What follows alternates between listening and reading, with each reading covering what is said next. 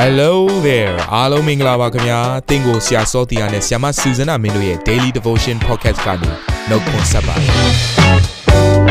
ဆရာနဲ့ဆ iam မတို့ရဲ့အသက်တာမှာဘုရားရှင်ပြုတဲ့ကောင်းကြီးမင်္ဂလာများစွာရှိပါတယ်အဲ့ဒီအထက်ကပြန်လဲစီးဆင်းတဲ့နှုတ်ကပတ်တော်ကိုဒီနေ့မှနားထောင်ပြီးခွန်အားယူကြမှာဖြစ်ပါတယ်နေ့စဉ်10မိနစ်လောက်အချိန်ပေးပြီးမိမိရဲ့အသက်တာကိုကောင်းကြီးဖြစ်စေမယ်ဘုရားသခင်ရဲ့နှုတ်ကပတ်တော်နဲ့နီးလန်းတွေကိုအတူတကွခံယူကြရအောင်ခင်ဗျာ အားလုံးကိုမင်္ဂလာပါလို့နှုတ်ခွန်းဆက်ပါတယ်ကျွန်တော်တို့အားလုံးခရစ်စမတ်အချိန်ကာလကိုကြော်ဖြတ်ပြီးဖြစ်သလိုမကြခင်မှာနှစ်သစ်ကိုလည်းကျွန်တော်တို့ဝင်ရောက်ရမှာဖြစ်ပါတယ်ဒါကြောင့်ဒီနေ့နှုတ်ကပတ်တော်အားဖြင့်ကျွန်တော်တို့ရဲ့အသက်တာမှာပြင်ဆင်ဖို့ဒီနေ့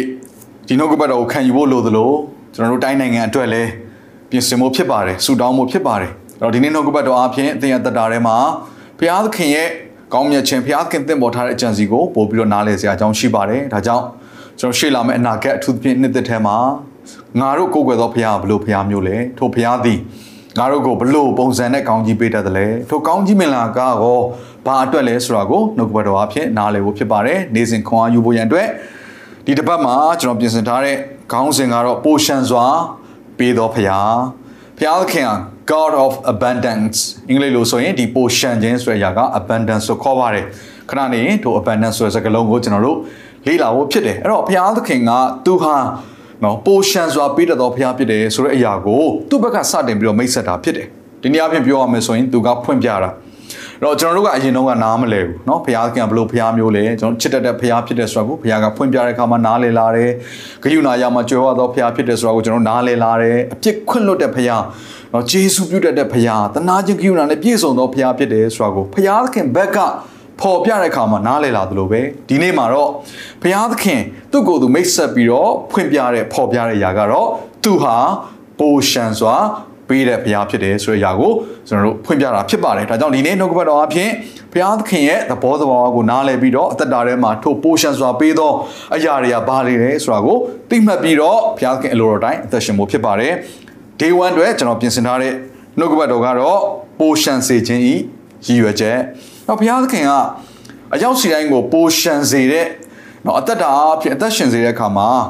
ကျွန်တော်တို့ပေးရတဲ့ရည်ရွယ်ချက်ဆိုတာရှိတယ်နော်ဘာအတွက်ပိုရှန်စေတာလဲဒါကိုကျွန်တော်တို့သိသွားပြီဆိုရင်အော်ငါရဲ့တက်တာဟာဖျားရှင်ကပိုရှန်စေသောတက်တာပါလားအဲ့ဒီအရာဟာငါ့ကိုဒီလိုအသက်ရှင်စေဖို့ပါလားဆိုတာကိုနားလည်စရာအကြောင်းရှိပါတယ်ရှေးဥစွာကျမ်းပိုက်တစ်ပိုင်အဖြစ်အစာပြုခြင်းနဲ့နှစ်ကောခန်းကြီး120ဖြစ်ပါတယ်ထိုသခင်မှာဖျားသခင်ဂတိတော်ရှိသမျှတို့သည် ငါတို့အားဖြင့်ဘုံအသရေတော်ကိုထင်ရှားစေခြင်းအလို့ငါဟုတ်မှန်၏ဟူ၍၎င်းအာမင်ဟူ၍၎င်းဖြစ်သည်အဲ့တော့ကျွန်တော်တို့ဒီတပတ်တာအတော်တွင်မှာဒီနှုတ်ကပတ်ကျမ်းစာလေးကို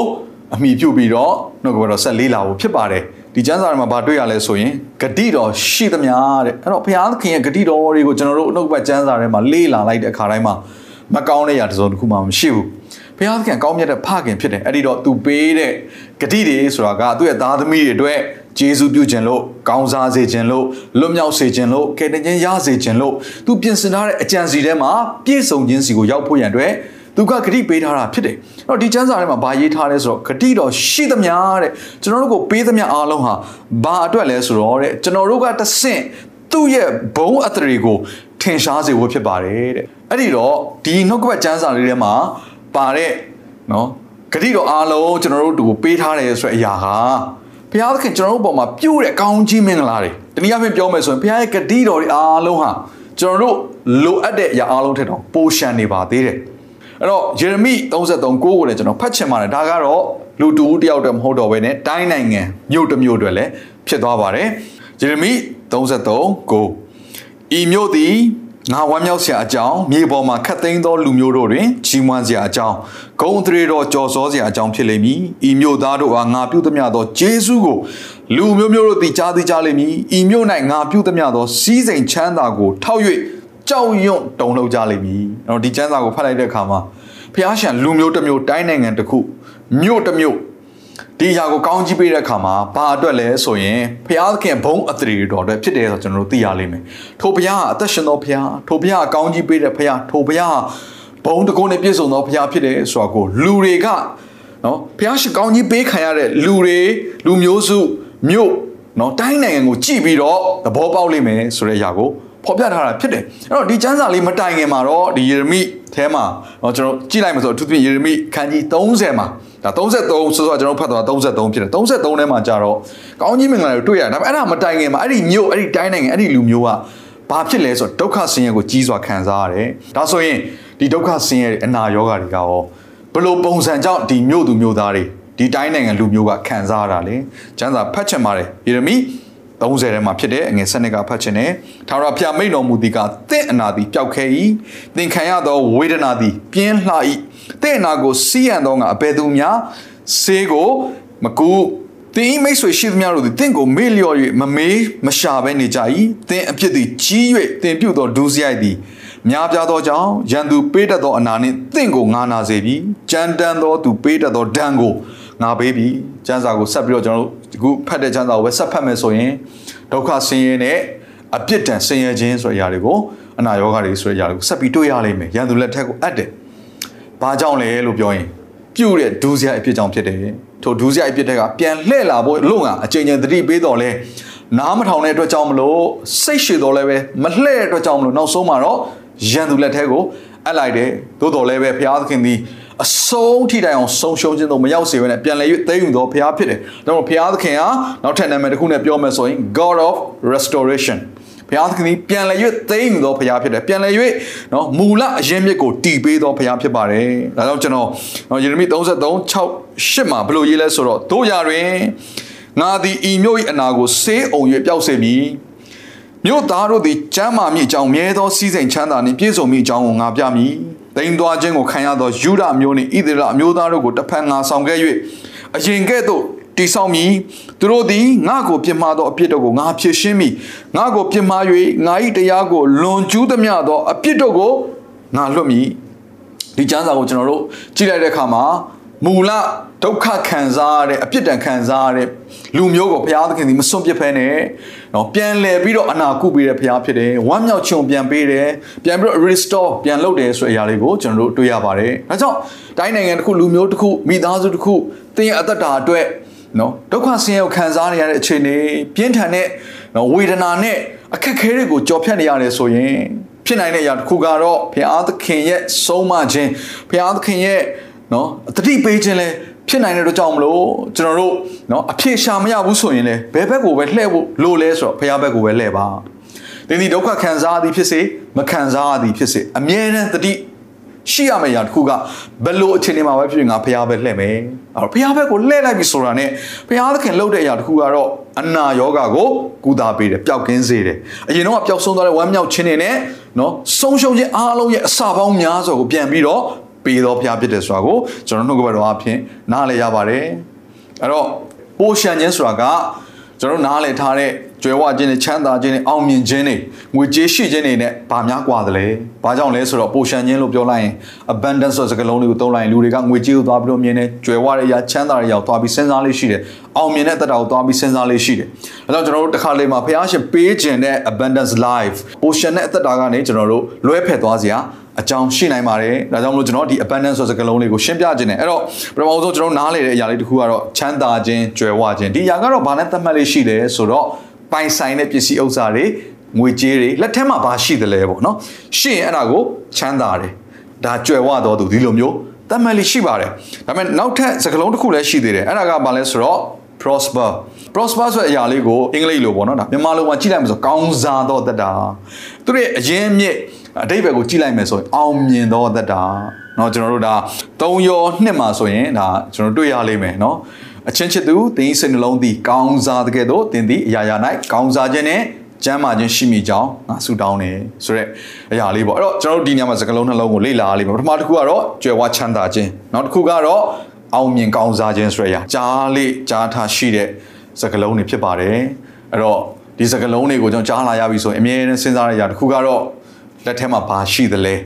နော်ဒါပေမဲ့ဒီနေ့ပြောနေတဲ့ abundance ဆိုတာကလက်ထဲမှာဘာရှိသလဲဆိုတာ ਨੇ မဆိုင်တော့ပါဘူးโอเคဒါလေးကိုရှင်းရှင်းလင်းလင်းနားလည်စေချင်တဲ့အတွက်ကြောင့်မလို့ဒီစကားလုံးနှလုံးကိုအရင်ဆုံးစပြီးတော့ပြောတာဖြစ်တယ်အဲ့တော့ abundance ဆိုတဲ့စကားလုံးကဘာလဲဆိုတော့เนาะသူကကို့မှာကြီးမားတဲ့ပမာဏเนาะများပြားတဲ့ငွေကြေးပိုင်ဆိုင်မှုဘာတွေရှိတယ်လဲမဟုတ်တော့ဘဲနဲ့เนาะကို့မှာလိုအပ်တဲ့အရာပြည့်စုံတယ်အဲ့ဒါအပြင် သူတစ်ပါးအတွက်ပေးဖို့ရန်အတွက်ပိုရှန်နေသေးတယ်ဆိုပါစို့ဘာနဲ့ကျွန်တော်ဥပမာနှိုင်းရှင်းရမလဲဆိုလက်ထက်မှာငွေ1000ရှိတယ်ဆိုပါစို့ရှိတဲ့ငွေ1000နဲ့ဈေးသွားဝယ်တယ်လိုအပ်ချက်က9000ဘိုးဖြစ်နေတယ်ဆိုရင်အဲ့ဒါဒီ abundance ရဲ့ပြောင်းပြန်ဖြစ်တယ် potion နဲ့အသက်တာရဲ့ပြောင်းပြန်ဖြစ်တယ်မ potion တာမဟုတ်တော့ဘူးသူ့မှာလိုအပ်ချက်ရှိသွားတယ်เนาะအင်္ဂလိပ်လိုဆို lack ပေါ့เนาะလိုအပ်ချက်ဖြစ်နေတယ်နောက်ထပ်4000လောက်လိုနေတယ်သူဝယ်ရမှာ9000ဖြစ်တယ်ကဲ ဒီလူမှာ1000ရှိရဆိုပါစို့ဒါပေမဲ့သူ့ရဲ့လိုအပ်ချက်က9000ဘိုးပဲသူလိုတယ်ဆိုရင်သူဒီဈေးသွားဝယ်တဲ့ခါမှာပတ်စံအများကြီးမရှိပါဘူးသူက9000လည်းမရှိဘူး3သိန်းလည်းမရှိဘူး10သိန်းလည်းမရှိဘူးသူမှရှိတယ်1000ပဲဒါပေမဲ့သူ့အတွက်လိုအပ်ချက်က9000ပဲဖြစ်တယ်ဆိုရင်သူဒီဈေးသွားဝယ်တဲ့ခါမှာဘယ်လိုပုံစံမျိုးနဲ့သွားဝယ်နေရလဲဆိုတော့ပိုရှန်နဲ့အသက်တာနဲ့ဈေးဝယ်ထွက်နေတာဖြစ်တယ်။ဘာကြောင့်လဲသူ့မှာ3000ပိုသေးတယ်။သူ့လိုအပ်ချက်9000ပဲ။အဲ့တော့ဒီနေ့နှုတ်ကပတ်ကျမ်းစာထဲမှာပြောထားတဲ့ abundance ပိုရှန်နဲ့ အရာနော်သူတစ်ပါးကိုပြန်လဲကောင်းကြီးပေးနိုင်တဲ့အသက်တာဆိုတာကအများကြီးရှိဖို့မဟုတ်ဘူးတနည်းအားဖြင့်ပြောရမယ်ဆိုရင်ကြွယ်ဝချမ်းသာတဲ့အသက်တာကိုပြောတာမဟုတ်ဘူးတနည်းအားဖြင့်ပြောမယ်ဆိုရင်အောင်မြင်ကြော်ကြားပြီးတော့နော်ကောင်းစားနေတဲ့အသက်တာကိုပြောတာမဟုတ်ဘူးသူ့မှာဘယ်လောက်ရှိလဲနော်တင့်မှာဘယ်လောက်ရှိလဲအရှိတဲ့အတိုင်းတာထဲမှာပဲတင်းလိုတလောက်ကိုအဲ့ဒီရှိတဲ့အထက်ကပြည့်စုံနေတယ်အဲ့ဒါပြင်သူတစ်ပါးအောင်ပြန်ကောင်းကြီးပေးလို့ရသေးတယ်အဲ့ဒါဆိုရင်အဲ့ဒါပိုရှန်သောအသက်တာဖြစ်တယ် သင်ဟာတိုက်တွေအများကြီးကိုမပိုင်ပါဘူးကားတွေလည်းမပိုင်ပါဘူးဘန်ထဲမှာလည်းငွေကြေးတွေအများကြီးမရှိပါဘူးဒါပေမဲ့သင်နေတိုင်းစားနေရတယ်အဲ့ဒါအပြည်သူတစ်ပါးကိုလည်းကျွေးမွေးနိုင်သေးတယ်ဆိုရင်သင်သည်ပိုရှန်သောအသက်တာဖြစ်တယ်เนาะဒါနဲ့ပြောင်းပြန်ကတော့ဆင်းရဲတယ်မွဲတေတယ်အစာရေးစာမလောက်ငါဘူးနေစရာမရှိဘူးဝတ်စရာမရှိဘူးဒါဆိုရင်တော့ဆင်းရဲခြင်းဆိုတဲ့အရာလိုအပ်ချက်ရှိသောအသက်တာဆိုတဲ့အရာဖြစ်သွားပြီအဲ့တော့ဘုရားသခင်ဒီပိုရှန်သောအသက်တာကိုပေးရတဲ့ရည်ရွယ်ချက်ကဘာအတွက်လဲကျွန်တော်တို့အစပိုင်းမှာနှုတ်ကပတ်တော်ဝင်ငှခဲ့သလိုပါပဲသူတစ်ပါးအတွက်ဖြစ်တယ် ယေရှုရဲ့အသက်တာကိုသင်ပြန်လဲဆင်ခြင်ကြည့်ပါယေရှုခရစ်တော်ဟာချမ်းသာတဲ့မိသားစုမွေးဖွားလာတာမဟုတ်ဘူးသူ့မှာငွေကြေးတွေအများကြီးလည်းမရှိပါဘူးသို့တော်လည်းပဲသူသည်သူ့အတွက်လိုအပ်တဲ့အရာတွေအားလုံးပြည့်စုံတာမကသူ့တစ်ပါးကိုပြန်လဲကျွေးမွေးနိုင်တော်သူလူတောင်းနဲ့ချီပြီးတော့မုံငါးလုံးနဲ့ငါးနှစ်ကောင်နဲ့သုံးပြီးတော့အဝအလင်ပိုရှန်စွာကျွေးမွေးနိုင်တော်သူဖြစ်တယ်အဲ့ဒါကို abundance life လို့ခေါ်တယ်ကျွန်တော်ကိုယ်ွယ်သောဘုရားသည်ပိုရှန်စွာပေးတော်ဘုရားဖြစ်တယ် ပိုရှန်လည်းရှိတော်ဘုရားသခင်ဖြစ်ပါတယ်အဲကြောင့်သင်ကိုယ်ွယ်သောဘုရားကိုသင်ဘလို့ဘုရားမျိုးလဲဆိုတာသဘောပေါက်ပြီဆိုရင်အော်ငါရဲ့အသက်တာမှာဘုရားရှင်သည်ပိုရှင်သောအသက်တာဖြစ်စေပါလားဆိုတာကိုသဘောပေါက်ပြီးတော့နေစဉ်သက်တာမှာသူတစ်ပါးအတွက်ဘုရားဘုံထင်ရှားဖို့ရန်ထို့ပိုရှင်ခြင်းတွေကနေပေးကမ်းဝေမျှတော်သူကောင်းကြီးပေးတော်သူဖြစ်လာမယ်လို့ကျွန်တော်ယုံကြည်ပါတယ်ခဏလောက်ဆုတောင်းရအောင်ဘုရားသခင်ကိုရောကိုယေရှုတင်ပါတယ်ဒါတို့မှာ နေစဉ်စားဖို့တောက်ဖို့ဝတ်ဖို့ရန်အတွက်မပူပါနဲ့လို့ကိုရရှင်ဘုရားကစိုးရင်ခြင်းမရှိပါနဲ့လို့ဂတိပေးထားတဲ့အတိုင်းပဲယနေ့သားတို့ရဲ့အသက်တာမှာစိုးရင်ပူပန်ခြင်းမရှိဘဲနဲ့ကိုရိုနာကိုလိုက်တဲ့အခါမှာဒါမျိုးတတိမထားမိတဲ့အချိန်မှာပင်ကိုတော်သည်လိုအပ်သမျှကိုပြည့်စုံစေုံသာမကလိုအပ်ချက်တစ်ခုမှမရှိပဲသူတို့ဘာကိုပြန်လဲ၍ပေးကမ်းဝေမျှသောအသက်တာကိုပင်ယေရှုပြုသောဘုရားဖြစ်ကြောင်းနားလည်ရပါတယ်ကိုရောကိုယေရှုတင်ပါတယ်ယနေ့ဤနေရာမှာနှုတ်ကပတ်တော်နားထောင်နေသောသူတယောက်စီတိုင်းသည်မိမိ၌လိုအပ်သမျှ ပြည့်စုံသာမကသူတို့ဘာကိုပင်ပြန်လဲ၍ဝေမျှပေးကမ်းကြွေးမွေးနိုင်သောအသက်တာဖြစ်တဲ့ဆိုတဲ့အရာကိုသဘောပေါက်နားလည်ပြီးတော့ကိုရဲ့ဘုံကိုသူတို့အသက်တာအပြင်ထင်ရှားဖို့ရန်အလို့ငါသူတို့ကိုကိုရောယေရှုပြုပါကောင်းကြီးပေးပါနှိုးဆော်ပါနာဇရက်မြတ်သားယေရှုခရစ်တော်၏နာမအားဖြင့်အမိပြုလျက်ဆုတောင်းဆက်ကအနံ့ကြပါ၏ဖဖရာအာမင် နာတော်တာစင်သူတိုင်းရဲ့အသက်တာမှာကောင်းကြီးဖြစ်မယ်ဆိုတာကိုကျွန်တော်ယုံကြည်ပါတယ်။သင်ရဲ့အသက်တာအတွက်များစွာသော resource တွေနဲ့ update တွေကို Facebook နဲ့ YouTube platform တွေမှာလည်းကျွန်တော်တို့ပြင်ဆင်ထားပါတယ်။ Facebook နဲ့ YouTube တွေမှာဆိုရင် search box ထဲမှာစုစွမ်းနာမင်းလို့ရိုက်ထည့်လိုက်တဲ့အခါအပြရန်အမှန်ချစ်ထားတဲ့ Facebook page နဲ့ YouTube channel ကိုတွေ့ရှိမှာဖြစ်ပါတယ်။နှုတ်ကပတ်တော်တွေကိုဗီဒီယိုအားဖြင့်လည်းခွန်အားယူနိုင်ဖို့ရန်အတွက်အဆင်သင့်ပြင်ဆင်ထားပါတယ်။ကျွန်တော်တို့ဝิญဉ်ရေးရာအတွက်အထူးလိုအပ်တဲ့ဖွင့်ပြခြင်းတွေနဲ့ခွန်အားတွေကိုရယူလိုက်ပါ။ နောက်ရက်များမှာပြန်ဆုံတွေ့ကြရအောင်ခင်ဗျာအားလုံးကိုနှုတ်ဆက်ပါတယ်